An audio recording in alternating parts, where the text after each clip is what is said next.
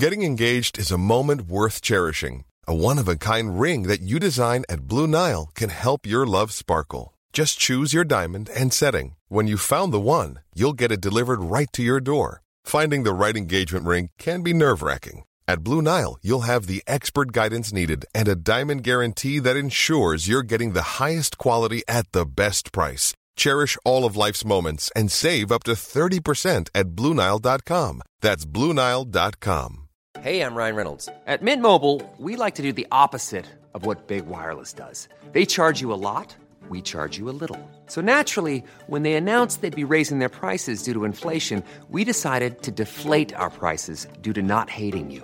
That's right. We're cutting the price of Mint Unlimited from $30 a month to just $15 a month. Give it a try at mintmobile.com slash switch. $45 upfront for three months plus taxes and fees. Promo for new customers for limited time. Unlimited more than 40 gigabytes per month. Slows. Full terms at mintmobile.com.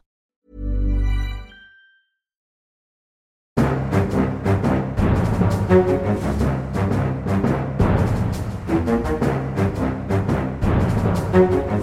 setter vi i gang med en ny episode Aftenpodden USA. Kristina Pletten på plass i Oslo som vanlig. God dag, god dag.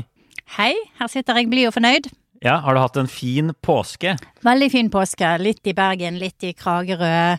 Jeg har ikke stått på ski, som det ser ut som absolutt alle andre i Norge har gjort, hvis, Ja. etter Facebook og sånn å dømme. Men eh, den har vært ganske så ok likevel. Ja, Veldig bra. veldig bra. Jeg er da Øystein Langberg, USA-korrespondent. Jeg er ikke i New York. Jeg er faktisk fortsatt på en slags forlenget påskeferie i Virginia. Jeg har hatt full påskeferie i år. Det føles som veldig lenge siden sist, egentlig. Så jeg har på en måte vært på musikal, jeg har vært på a-ha-konsert, hatt norgesbesøk. Jeg har sett villhester her nede i Virginia, og så har jeg vært på en slags roadtrip, da, som jeg jo fortsatt driver på med. Eh, Og nå sitter jeg faktisk i en liten leilighet og ser ut på en sånn utrolig fin elv og skog. Jeg er i sånn det Chesapeake-området i Virginia, ikke så langt fra Virginia Beach. Og det er kjempefint. Det er sånne store yachter som seiler forbi på elven her, stadig vekk. Så det er total idyll. Ja, Virginia er litt sånn under, eh, jeg håper å si underkommunisert stat, eller sånn. Ja. Den, den dukker liksom opp i forskjellige politiske sammenhenger, men det er veldig sjelden du hører noe annet om Virginia. Da. Men det er jo en stor stat som går helt fra fjellene til sjøen og har veldig mye eh, spenn og veldig mye historie å by på. Du har jo vært i, i noen av de der uh... Jeg har vært i Colonial Williamsburg og i noe som heter Jamestown. Jeg tenkte jeg skulle fortelle litt mer på det på, på OR, egentlig. Men det er en kjempefin stat.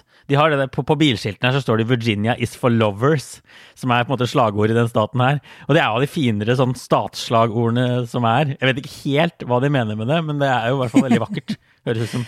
Ja. Nei, dette var jo lurt, for nå fikk fikk du et lite frempek, så nå må dere høre hele podden for å få høre Ja, nå må dere høre hele for å høre hva jeg kan om fortelle sin påskeferie. Yes. Påskeferie i Virginia. Men du, i dag skal vi ikke snakke om masse om Virginia. Vi skal snakke om verdens rikeste mann, Elon Musk, og hans krumspring, påskekrumspring. Han har også holdt på med mye gøy de siste ukene, annet rundt et oppkjøp av, av Twitter. Men vi skal også snakke litt mer generelt om Musk og den eh, makten og innflytelsen som han har eh, her i USA, da, og egentlig i verden, den politiske makten sånne folk har. Men først så har vi vår faste spalte siden sist, som kanskje jeg skal ta ansvar for i dag. Jeg har jo ikke bare hatt ferie, jeg har vært ute på en masseskyting i New York som måtte avbrøt ferieringen, em, da en mann skøyt løs på T-banen ved det som heter Sunset Park i Brooklyn. Utrolig nok eh, ingen døde, men mange skadede. Eh, han ble pågrepet dagen etterpå på åpen gate, bare på Manhattan, i East Village. Kjemperart. Det var en sånn det de kaller manhunt. Men de fant han av seg. Men det er bare én av mange sånne hendelser med masseskytinger, og det har vært død og fordervelse rundt omkring i USA. Og nok en påminnelse om bare USAs problem med våpen og disse typer skyteepisodene som er ganske unike for USA, da. I hvert fall i den grad de knapt når opp i nyhetsbildet mange ganger. Ja, og den var skikkelig skummel, den, eh, den saken der. For toget gikk jo rett forbi der som jeg og du også for så vidt bodde i Brooklyn. Og så var det litt rart, Ja. for det var vel en mann på 60 eller noe sånt som sto bak, og det er jo også litt uvanlig, da. Ja, En veldig veldig rar sak.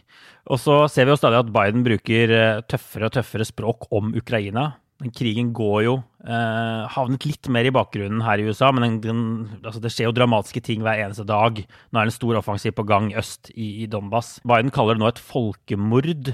Eh, Det har tatt litt tid, sittet litt inne og si det. Eh, De fortsetter å gi ukrainerne mer og mer avanserte våpen. Vi får også si at et flertall av landene i FN like før påske stemte for å pælme Russland ut av FNs menneskerettighetsråd. Eh, Og så får vi da ta med til slutt, i går kom nyheten om at en føderal domstol rett og slett opphever munnbindkravet på fly og offentlig transport i hele USA. I Norge har de jo sluppet dette en god stund allerede, men her har det altså vært krav om å ha på munnbind på fly, og også på T-banen i New York f.eks. Og det og Biden-administrasjonen og CDC, Folkehelsemyndigheten, ville at det fortsatt skulle være sånn. Men så kommer det altså en dommer inn og sier nei, det er eh, grunnlovsstridig, dette må vekk. Og nå har masse flyselskap fjerna det, de fjerna det på timen underveis i flyvninger og sånn, har det vært rapporter om på Twitter. Eh, Så nok en nesestyver for, for Biden og gjengen. og Vi får se hva de gjør med det her, da. Eh, Men det er interessant å se hvordan domstolene igjen og igjen opphever disse smittevernskravene. At det ikke skjer politisk i USA. Ja. Eh, som er typisk for USA, for der bestemmer jo Ja, domstolen utrolig mye om ja. politikken. Men jeg lurer jo på hvor mange folk som likevel kommer til å gå med munnbind på T-baner og på Ja. fly og sånn. Her er det jo ingen, så vidt jeg har Nei. observert. Men jeg, jeg tenker, innbiller meg kanskje at i USA vil det være litt annerledes. Det er jo en veldig politisk splittelse. Det vil helt sikkert være ganske mange som, som kaster det umiddelbart på, på fly. Og det er jo rart. Jeg har fløyet fra Skandinavia til USA. Du slipper det på en måte hvis du mellomlander i København. Så slipper du det helt, helt til du går på flyet til USA i København. Ikke sant? Så, så det kan jo hende at jeg dropper det hvis jeg slipper det til USA da. Det føles jo litt kunstig og litt rart. Men altså, smittevernmyndigheten i USA har vært mye mer konservativ enn den i Norge på sånn gjenåpning og slippe opp fullstendig. Og i New York City går femåringer fortsatt med munnbind på skolen, f.eks. Det har de ikke opphevet. Barn under fem år. Men du, la oss sette i gang med dagens hovedtema, Elon Musk. Han er også en mann som har sånn ekstremt mange titler, litt som da vi hadde på Hans Olav Lahlum for noen, for noen uker siden. Man kan i hvert fall kalle han investor, innovatør kanskje, oppfinner, kjendis og nettroll. Eh, han er verdens klart rikeste mann. Eh, Siste jeg sjekket, så har han en formue på 267 milliarder dollar, eller 2400 milliarder kroner, som altså er sånn som 20% av størrelsen på det norske oljefondet. Forbes, dette nettstedet, har en sånn liste som oppdaterer seg kontinuerlig med, med børsverdien til, eh, til eh, Musk sine, sine selskaper. Ja, han, han ble selv spurt om dette med å være verdens rikeste mann for, for bare et par dager siden, nylig i et intervju, og da sa han det at ja. på papiret er jeg verdens rikeste mann, men han mente det at det var flere andre personer som var rikere enn han selv.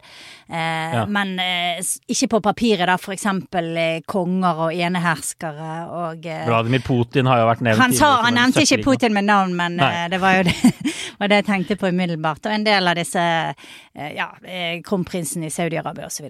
Så, men i hvert fall dokumentert verdens rikeste mann ifølge Forbes. Eh, Så nummer to på den lista er da Jeff Bezos, han som grunnla Amazon. Bill Gates har nå falt ned på fjerdeplass.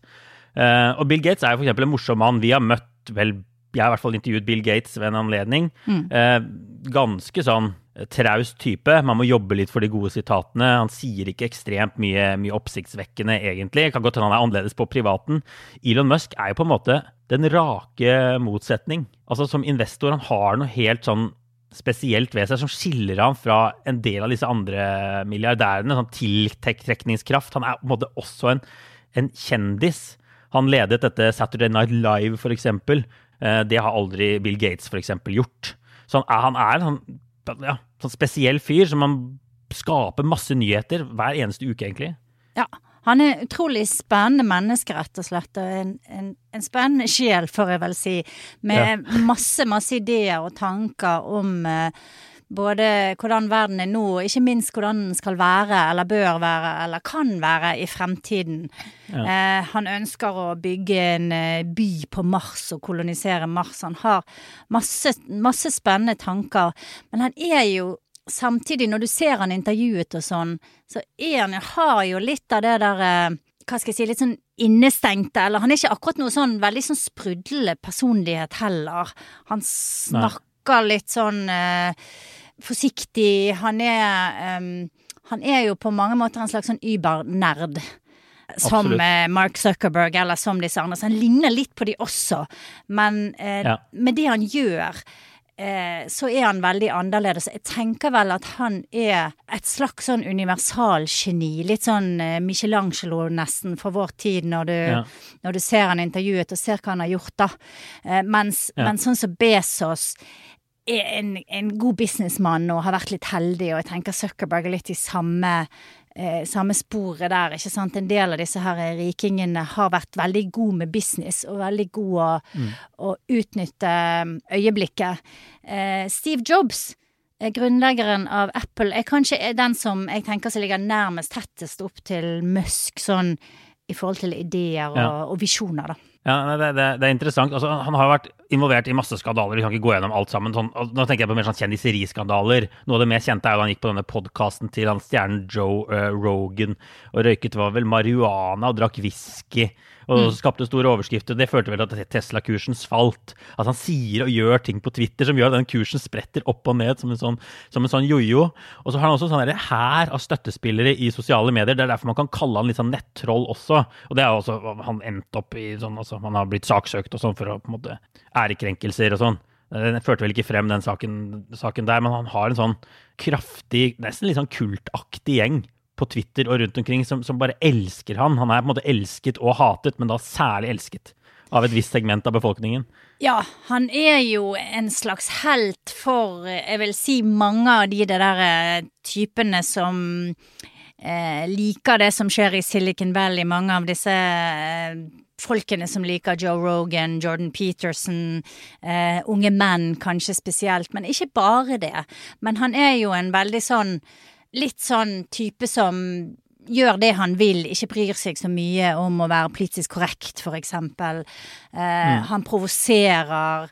Han er veldig opptatt av kryptovaluta, som har vært en sånn greie han har holdt på med på, på Twitter. Og så var det jo en ganske stor sånn business-skandale med han. Eh, har vært flere, men en av de tingene han gjorde, var jo at han sa at han ville ta Tesla av børsen. Eh, Ja. Som førte til litt sånn minikrise. Og det skrev han bare på Twitter, og så skjedde det jo ikke da. Men, men da var det liksom spørsmål Kan du kan du si sånne ting sant, eh, som øverste leder for et så stort og mektig selskap? Så han mm.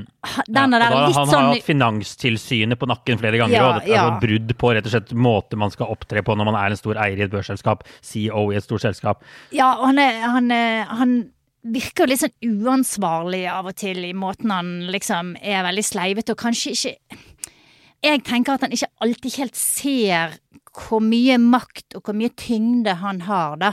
Eh, Kanskje er han det bevisst på én måte, men, men i hvert fall når han når han går liksom rett i strupen på enkeltmennesker og sånn, så Ja, har det en enorm effekt. mann på Twitter når verdens rikeste mann på Twitter, 80 millioner følgere eller noe sånt, øh, og så mye penger går etter enkeltpersoner som på en måte er nobodies på Twitter. Det er jo, det er jo spesielt. Det er derfor han liksom kalles nettroll også.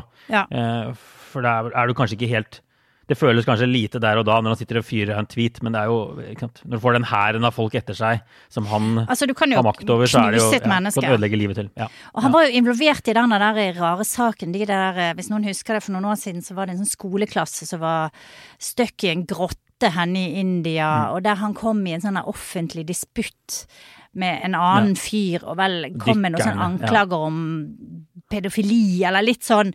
En veldig rar sak. Ja. Ja. Så han har, vært, han har vært involvert i en del ting som jeg, eh, som jeg tenker liksom gjør at man kan stille seg litt spørsmål om, om dømmekraften hans. Og samtidig så er han jo så utrolig smart, da.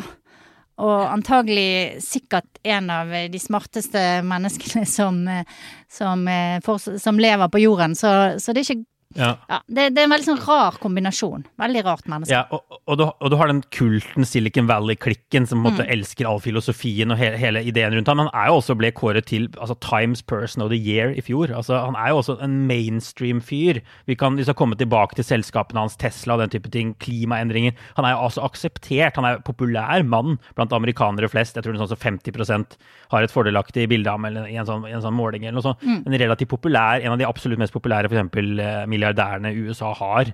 Så han har på en måte begge deler. eh, og gjør jo ting som går rett inn i folks dagligliv, og som gjør at han er så populær i Norge òg. Det er masse Tesla-eiere som helt sikkert er veldig veldig glad i, i Musk. Men jeg synes vi kan bare snakke litt, altså før vi går videre, om, om personen i historien hans. Han er jo ikke en opprinnelig en amerikaner. Dette er en mann som, eh, som ble født i, eh, i Sør-Afrika, faktisk.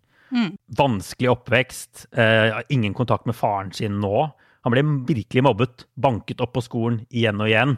Eh, Jeg har skummet litt i den biografien hans, skrevet av en journalist som heter Ashley Vance, som er veldig fin. Den varer vel bare til noe sånn 2015, eller noe, men den har i hvert fall hele oppbygningen fram til da. før ting virkelig tok av med Tesla. altså Tesla-aksjen i hvert fall virkelig tok av. Men han sa vel da han ledet SNL at han har Aspergers syndrom. I, Mm. i, i, um, I boka så går det jo fram at han har fotografisk minne. Mm. Han trålet gjennom alle bøkene på skolebiblioteket da han var liten, og så begynte han å lese to leksikon da han hadde gjort det. Og han fremsto som en sånn bedreviter. Eh, Han går rundt og spytter ut sånn random facts. Da han leste, lekte med søsken og kusiner og sånn, så sa en av de at de er redd for mørket. Og da sier han typisk ikke sant, mørket er bare fravær av lys. Eh, venneløs type, da. Vanskelig. Som, du- som man kan se for seg at slet liksom å, å, å nå ordentlig gjennom før man kom opp på universitets- og, og, og sånn college-nivå. Og kunne finne mer sånn likesinnede mennesker. Ja, men han er jo eh, Altså, det er jo mange store genier som har litt sånn der eh, historie. Sånn Einstein var jo også en, en sånn type som falt litt utenfor, og, og der eh, intellektet ditt kanskje ikke liksom passer helt inn i en vanlig hverdag, da. For å si det på en pen Nei. måte. Og så er det jo fint at han har vært åpen om denne Asperger-diagnosen sin, som jeg tenker òg er, er viktig for, for mange.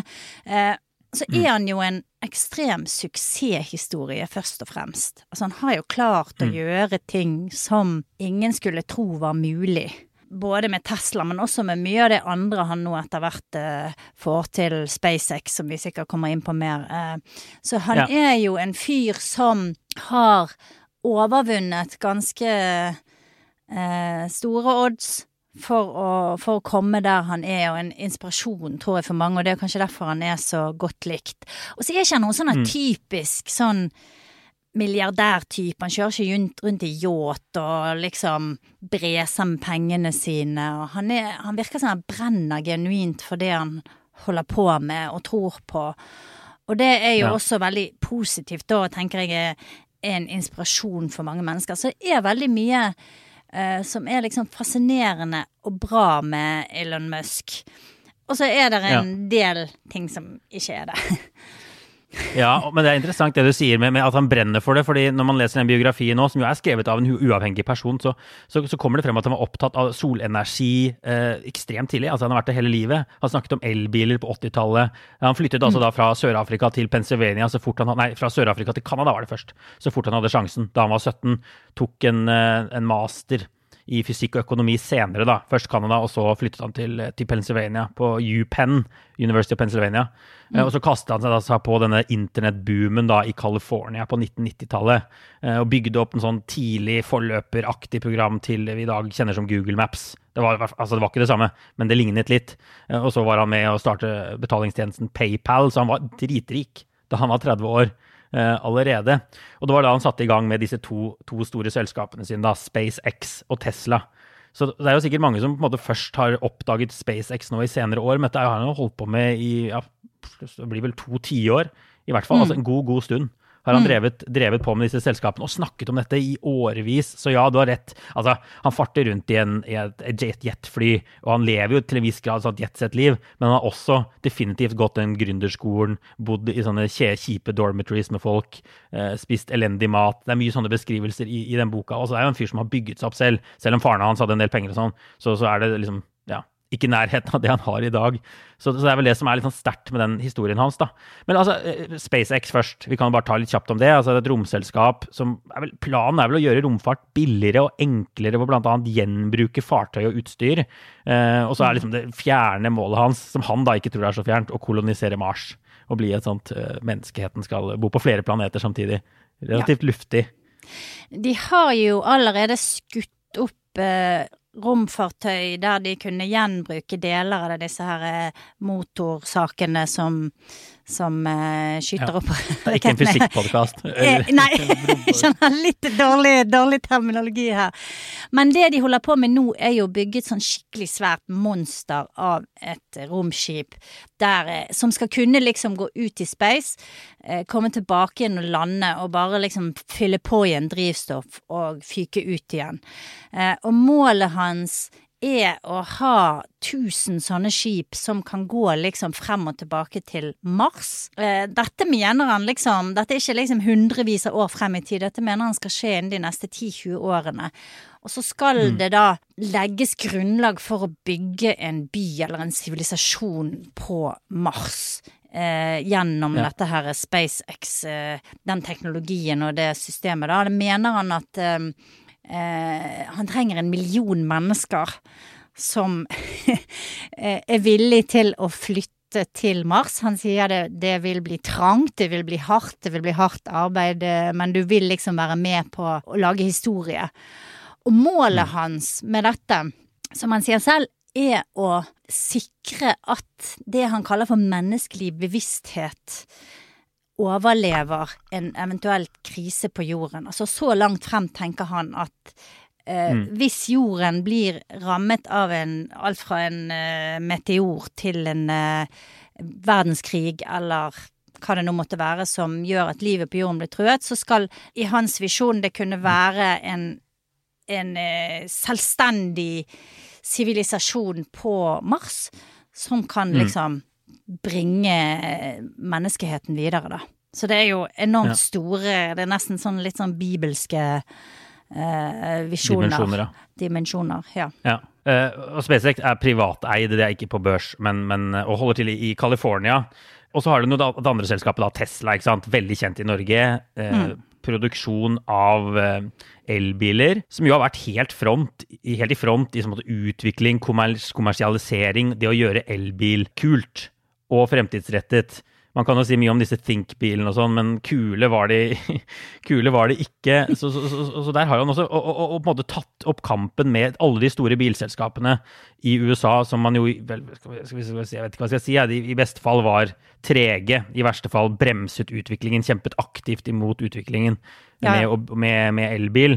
Og har bare kommet opp med en helt ny modell. ikke sant? De har ikke sånn altså franchisetakere, sånne klassiske bilselgere. De selger bilene sine rett selv på nett. De har jo sånne, ja, de har noen sånne utsalg rundt omkring, men det er en helt annen modell enn en man har sett tidligere. Som er ja, superinteressant. Jeg, jeg vet ikke liksom, hvor, hvor avgjørende har det vært i å, el, å få elbil til å være der elbil er i dag. Nå, er, nå bombarderes jo elbilreklamen elbilreklame på amerikansk TV. Alle de store bilselskapene har kastet seg på bølgen. Nå kommer de store elbil-pickupene. Vi skal lage en episode om dette her senere. Men det virker jo som dette har vært avgjørende, det å, det å gjøre det kult å få rikingene og eliten til å begynne å kjøre rundt i disse bilene. Ja, jeg tror det har vært helt sykt viktig, og jeg tror at det måtte liksom en sånn person som Elon Musk til, da. Som, eh, som Der kommer liksom alle de egenskapene som i noen sammenhenger kan være litt tvilsomme, er utrolig bra eh, når du skal være så fremoverlent som han har vært med Tesla, og bare si det at dette skal vi klare. Vi skal eh, klare å produsere Jeg tror de lager over en halv million biler i året nå.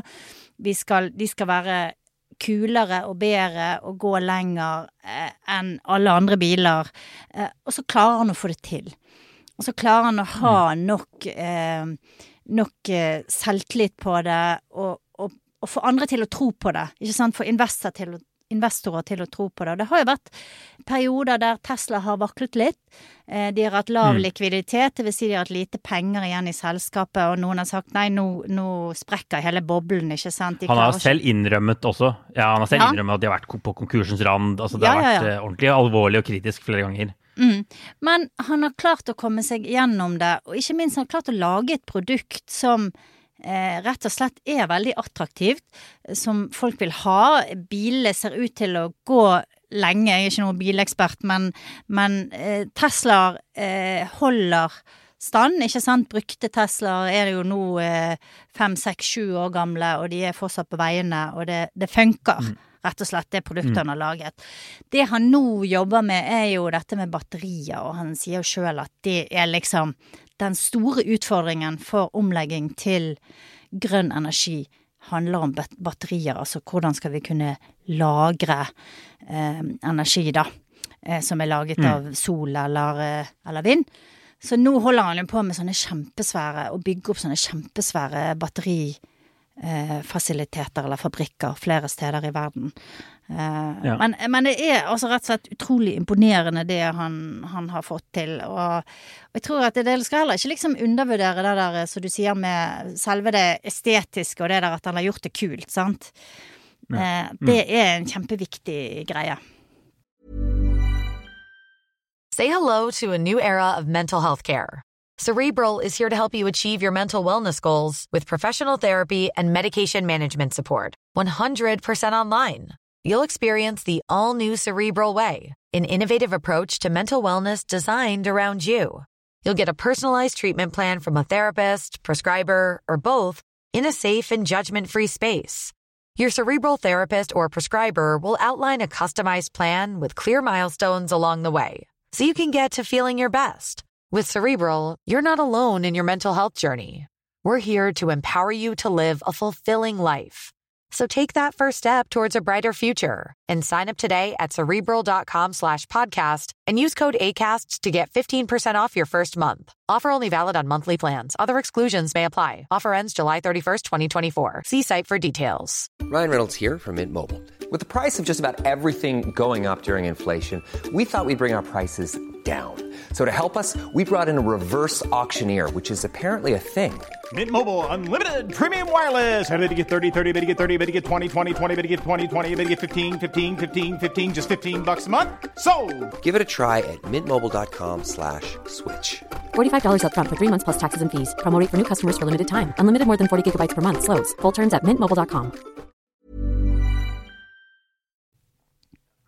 Og så uh, har vi jo da denne nyheten som kom i påsken, vi må snakke litt om det nå. Altså, Ja. at, at Elon Musk skal kjøpe denne sosiale medieplattformen Twitter. Um, altså han plutselig, altså, Vi kan jo dra kort gjennom det. Plutselig så satt han altså på 10% nesten 10 av aksjen i Twitter. Kunngjorde vel dette sikkert på Twitter i en tweet. Eh, Så kom nyheten om at han skulle inn i styret i, i Twitter. De ville ta han inn. Eh, Det var bedre enn å ha ham på utsiden når han eide så mye og hadde såpass mye innflytelse. Eh, Så skrev Musk da som vanlig veldig mye rart på Twitter. Han foreslo bl.a. å gjøre om hele hovedkvarteret til et hus for hjemløse, fordi ingen i Twitter kom på jobb uansett. Eh, Han spurte også om Twitter er i ferd med å dø, og viste til en hel haug med kjendiser som aldri skriver noe på Twitter lenger, men likevel har konto. ikke sant? Så total sånn trashing av Twitter. Og så kom kontrabeskjeden, han skal ikke inn i styret likevel. Og så la han, la han inn et bud på hele Twitter. Um, Og så har noen store aksjonærer avvist dette budet, men det er litt sånn uklart hva som skjer videre her. Eh, selskapet har innført en såkalt giftpille som gjør det veldig vanskelig da, i korte trekk for Musk å ta over selskapet eh, på en sånn fiendtlig måte ved å kjøpe masse aksjer og sånn. Eh, så, så det er litt der det står nå. Vi vet ikke hvor denne sagaen ender. Det går også rykter om at folk vil joine Musk og prøve å kjøpe det, altså store banker og sånn. Så dette er definitivt i, i spill. Eh, og så er det som alltid med han liksom uklart om det er al altså alvor eller ikke. Det er jo alvor når du bruker masse penger og kjøper opp 10% av Twitter, men mener han alvor med at han vil ta over dette selskapet? Altså, hva tenker du? Hva, hva er det han driver med her? Jeg tror han mener alvor, det tror jeg absolutt. Og man skal ikke liksom Ja. undervurdere Musk. Det var vel 43 milliarder dollar eller noe sånt han, eh, han kom med som Ja. tilbud, da. Eh, Noen har jo stilt spørsmål om selv verdens rikeste mann har så mye penger tilgjengelig til å, til å slå i bordet med. Men eh, problemet for Twitter er jo at selv om det er en plattform som har vært suksess i den forstand at veldig mange eh, sånne som oss bruker den, sant? journalister, eh, meningsbærere, politikere, Trump slo seg opp eh, via Twitter. Eh, så det er jo den sosiale, eller det sosiale mediet som har størst nedslagskraft, eller gjennomslagskraft, sånn i nyhetsbildet. Suverent. Men Ja. selskapet har ikke så mange bein å stå på. De, de finansieres av reklame. De har ikke klart egentlig å liksom gjøre den der, der eh, gjennomslagskraften om til eh, å bli en slagkraftig business og tjene penger. Eh, Nei. og det gjør at de er litt sårbar for sånne Ja. typer som Musk. Så har jo han sagt at han vil fjerne reklamen, eh, eh, og har liksom kommet med en del andre forslag. Så jeg, jeg vet liksom ikke helt hvordan han tenker at eh, han skal få Twitter til å tjene penger, da. Eh, og hvordan Nei. det skal fungere. Og hva, hva måte, den store visjonen hans er? Han har altså lekt med en idé om at man skal innføre en redigeringsknapp så man kan endre skrivefeil. Det går jo ikke i dag, så du må fjerne hele tweeten og tvitre på nytt hvis du skriver noe feil. Eller bare la det stå. Det er jo småtteri, småtteri-ting. Eh, Og det som liksom gjør at noen kanskje lurer på hva, hva, hvor seriøs han er med det her, er jo på en måte at det er så annerledes. Vi snakket om at SpaceX, han har drømt om dette siden han var barn. Tesla også. Han er ingeniør, han kan masse om de tingene. Men sosiale medier er på en måte et helt annet ballgame som han jo ikke har så mye erfaring med, annet enn at han er en av de største største personene på, på Twitter. da. Uh, stor, suksess, stor suksess der. Men det snakkes jo litt om at da kommer jo litt inn på, på måte, politikken og ideologien til Musk. At han vil gjøre mm. dette, liksom, liberalisere reglene for ytringer. Gjøre det til sånn ytringsfrihetsplattform. At det har gått for langt med sensuren. De pælmer ut republikanske politikere rett som det er, så kommer de inn igjen etter en uke. Trump er jo utstengt, i hvert fall inntil videre, har vært utstengt lenge nå. At han vil mm. gjøre noe der, da. Mm. Um, men om, om, om, hvordan han skal tjene penger på det, det er også litt sånn uklart. Og det er jo det noen frykter litt òg, at han skal gjøre det altså, Tillate flere hatytringer, gjøre det til et enda mer kjipt sted enn det allerede er til tider. Ja, han er jo litt sånn anarkistisk anlagt på en måte, ikke sant. Som, altså han, sånn sett så passer han godt inn i den politiske tradisjonen som eh, er rådende i Silicon Valley. Det er veldig mange av de typene som holder til der, som eh, som har en sånn eh, liberalistisk idé om hvordan verden skal fungere. De tror blant annet er mange som er opptatt av direkte demokrati. Det er også Musk opptatt av. Og det betyr jo egentlig mm. at istedenfor at du skal ha en politiker som representerer dine synspunkter, så skal liksom velgermassen selv, altså folk skal selv stemme over alt og være sånn mer sånn direkte eh, med å, å styre, da. Um, mm. Og hvis du overfører det til Twitter, den tankegangen, så er jo det litt sånn uh, Så kan det tenkes at han vil da åpne det opp, åpne dørene på vid gap. Alle skal ja. få lov å mene hva de vil, og at, at det på en måte er Troen på at det, det går seg til, da, og at det allikevel ja. vil være bedre i det lange løp. Men det er jo den filosofien som mye av disse her teknologiselskapene er tuftet på som Facebook har vært tuftet på, som Google osv. har vært tuftet på. Mm. At hvis du bare slipper alt løs, eh, gir folk mulighet til å dele informasjon og, og connecte digitalt, så vil verden bli et bedre sted. Og det har jo vist seg å ikke være tilfellet, for å si det pent. Um, ja. Og så det andre er jo det at Musk er ekstremt opptatt av kunstig intelligens. Det er kanskje det som er liksom eh, det som både bekymrer han mest og, og driver han mest, da. Og mm. der ligger jo også kunstig intelligens ikke sant, under for eksempel Twitter, som, som løfter ting som den tror du vil like og tror du vil reagere på. Så jeg er veldig usikker og tvilende til om, eh, om det er en god idé at en sånn type som Musk skal ta over et sånt medie som Twitter eh, tross alt er. Jeg er også tvilende eller skeptisk til at Bezos eier Washington Post, og er i det hele tatt skeptisk til at disse her eh, typene med så mye penger og makt skal også kunne styre eh, sånne viktige plattformer som er så viktige for demokratiet vårt. Jeg syns ja, det er litt skummelt. Det offentlige ordskiftet til en viss grad, ja. Ja, ja jeg syns det er skummelt. Altså, vi, vi har, ja, Vi har vært litt innom altså, hvor, hva, hva, mener Musk egentlig? Hva vil han? Noen rikinger er superenkle å plassere. Du har sånn som Mercer-familien, disse Koch-brødrene, som, mm. som, gir store store penger til republikanere, f.eks. Uh, mm. Musk sier selv at han vil stay out of politics. Han er liksom apolitisk, han bryr seg ikke. Men, men det er jo ikke på en måte helt sant. Han mener jo ting. Vi har vært innom det allerede. Han har disse, filosofiene sine, de libertarianske eh, på en måte grunnsynet. Mm. Han vil ha lav skatt. Han er kritisk når demokratene vil innføre sånn milliardærskatt. Han vil ha liten mm. statlig innblanding, sier han. Han vil være fri til å si hva han vil. Altså, han er godt likt over hele fjøla, men han er best likt av republikanere, sånn som ting står nå. Selv om da han da har liksom gått i, i, i bresjen for fornybar og, og definitivt liksom kjemper mot klimaendringer da, og har en sånn visjon også.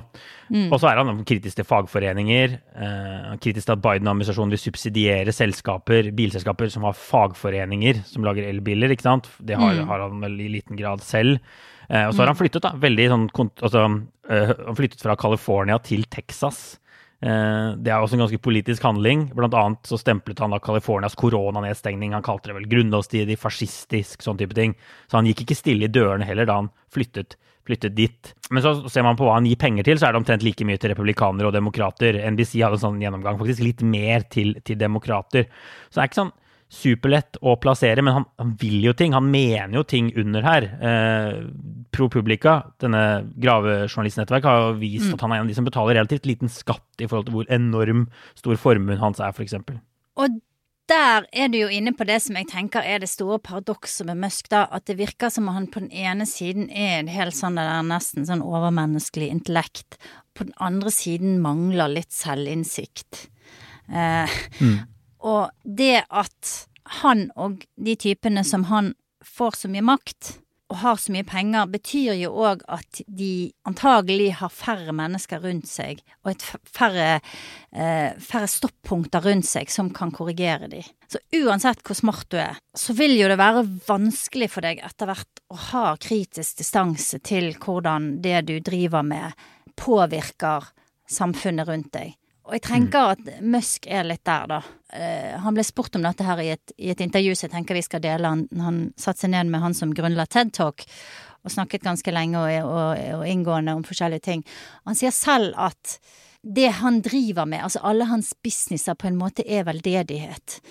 Fordi at det han vil gjøre er å liksom bedre menneskehetens vilkår. Han vil Han har jo også noen små selskaper, blant annet et som driver med sånn å utvikle sånne implants som skal kunne settes inn i skallen, sånn at folk som har eh, lammelser og sånne ting skal kunne bevege seg igjen.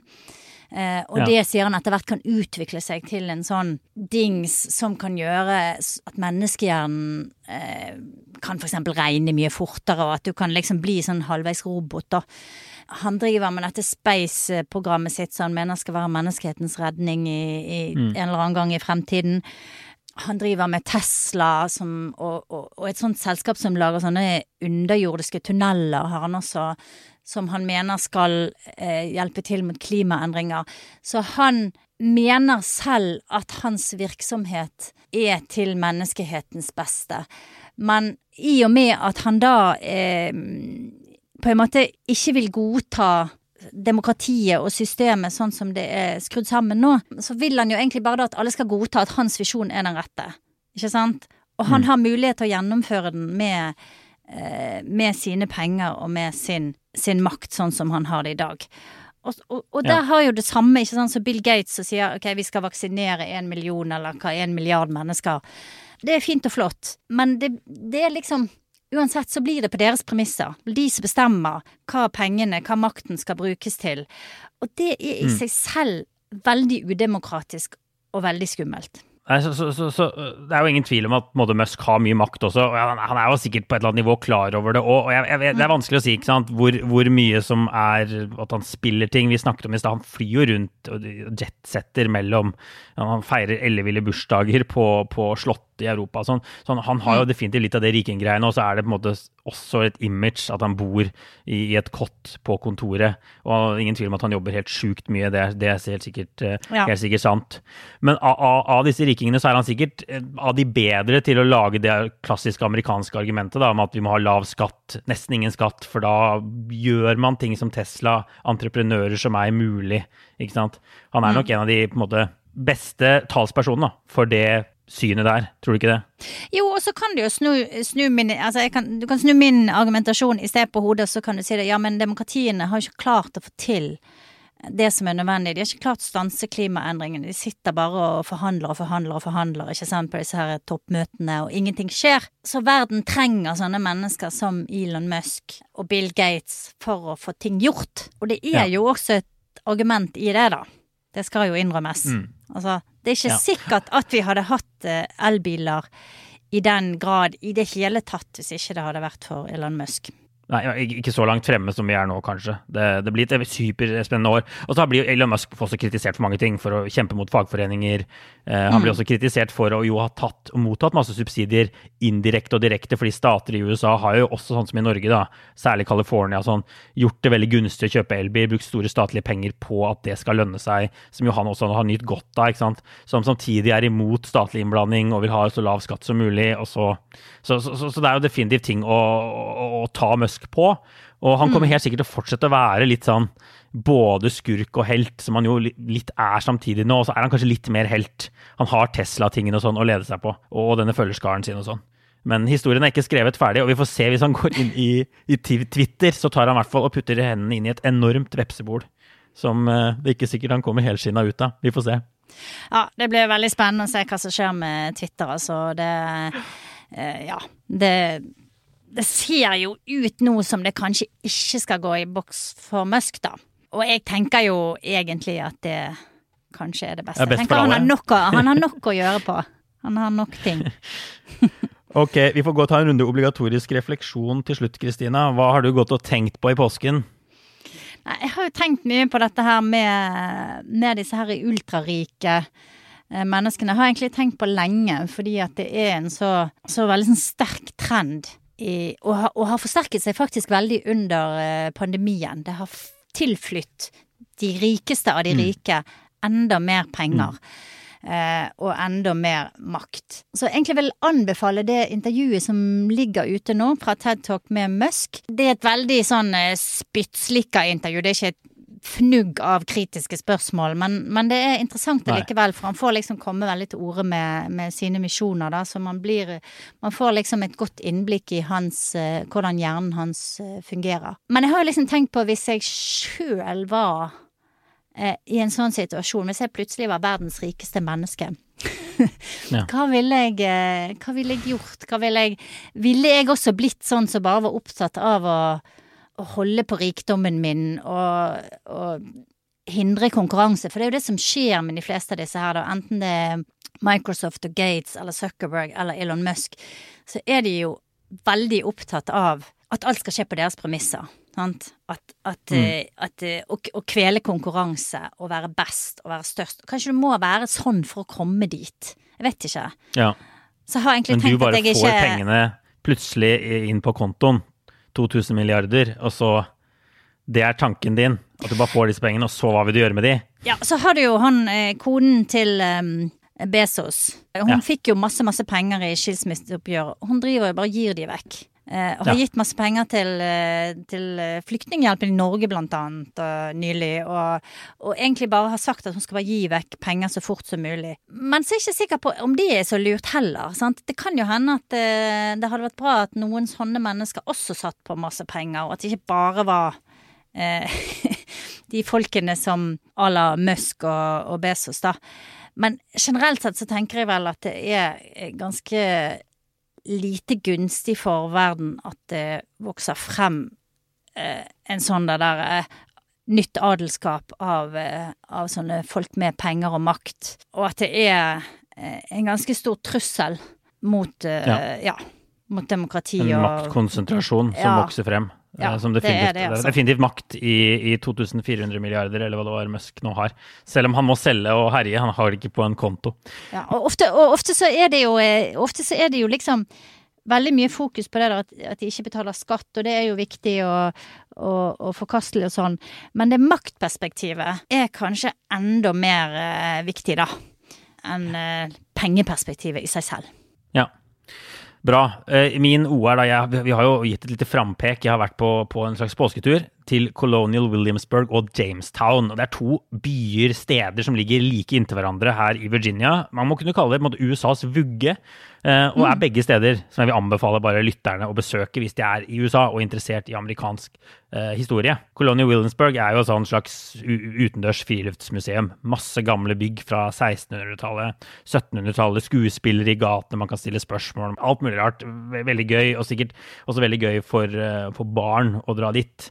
Eh, mens jeg brukte klart mest tid i Jamestown, som er et sånn glemt sted. Det er jo mye mer sånn arkeologisk utgravning enn et le liv levende, lyslevende museum. Men altså, det var her britiske ja, eventyrere, forretningsmenn, klarte å opprette den første suksessfulle, suksessrike kolonien i USA i 1607. Etter mange mislykkede forsøk egentlig på å gjøre noe lignende. Og det er jo den historien vi kjenner i glansbildeversjonen fra Disney-filmen Pocahontas. Eh, John Smith er en av de som går i land, eh, styrer kolonien de første årene. Eh, det er hit de første slavene kom i 1619. Da har du det 1619-prosjektet til, eh, til New York Times. Eh, og så er det jo sånn suksess, første suksessrike kolonien. Alt er relativt. Jeg tror halvparten døde det første året, eller noe sånt. Utgravninger fra de siste tiårene har vist at de til og med måtte ty til kannibalisme og spise hverandre for å overleve. Selvfølgelig et kjempevanskelig forhold til urbefolkningen, kriger, den type ting. Men de bet seg altså fast og spredte seg da etter hvert utover i, i USA. Eh, Så Jamestown er interessant, og et fascinerende poeng som han ene guiden snakket om, og som jeg også har lest litt om før, er jo eh, historien om Virginia og den første kolonien har egentlig havnet litt i bakgrunnen i USA. Um, den liksom gjeldende historien om USAs skapelse har vært historien om pilegrimene som kom til, eh, til Plymouth utenfor Boston på denne båten Mayflower. Mayflower. Det er de alle har snakket om. Og det skjedde altså 13 år etter at de kom til, til Jamestown. Men årsaken til at det er liksom den Mayflower-historien som alle snakker om, er borgerkrigen. De trengte en ny skapelsesberetning i hermetegn, eh, som ikke hadde noe med sørstaten å gjøre. Eh, og, og, og det var også liksom, De som reiste til Virginia, var jo først og fremst forretningsmenn. De ville finne gull, sølv, metaller, sende hjem. Mens disse pilegrimene, det var en blanding. Det var både pilegrimer og, og folk som ville på en måte eh, ja, tømme landet for verdier. Så en lettere historie å selge inn, disse som måtte komme til USA frihetssøkende, vekk fra, fra undertrykning og sånn i Europa. Så, så derfor har det festet seg som historie, men det er egentlig Jamestown man må reise til hvis man vil se den aller, aller første kolonien. Det er veldig gøy å være rundt på historiske steder i USA, og, og en av Ja. de tingene som skjer mange steder, er jo at du har sånne der folk som kler seg ut i kostymer, og så spiller de sånne skuespill, nærmest. Så du kan liksom ha med deg unger og, og oppleve, nesten være inne i historien, og det er litt kult. Veldig, veldig kult. Så dette er nasjonens begynnelse her i Virginia. Så ta dere en tur hvis dere er her. Og så tror jeg vi setter strek for denne gang, Kristina. Vi er tilbake om en uke. Så vil jeg bare si følg oss i Facebook-gruppa vår, Aftenpodden USA. Der skjer det mye gøy. Av og til opphetede diskusjoner. Av og til bare legger vi ut bilder av feriene våre. Alt, eh, alt er greit der. Eh, og så høres vi igjen, ja. Som sagt, eh, neste uke. Inntil da får alle ha det bra. Ha det, ha det.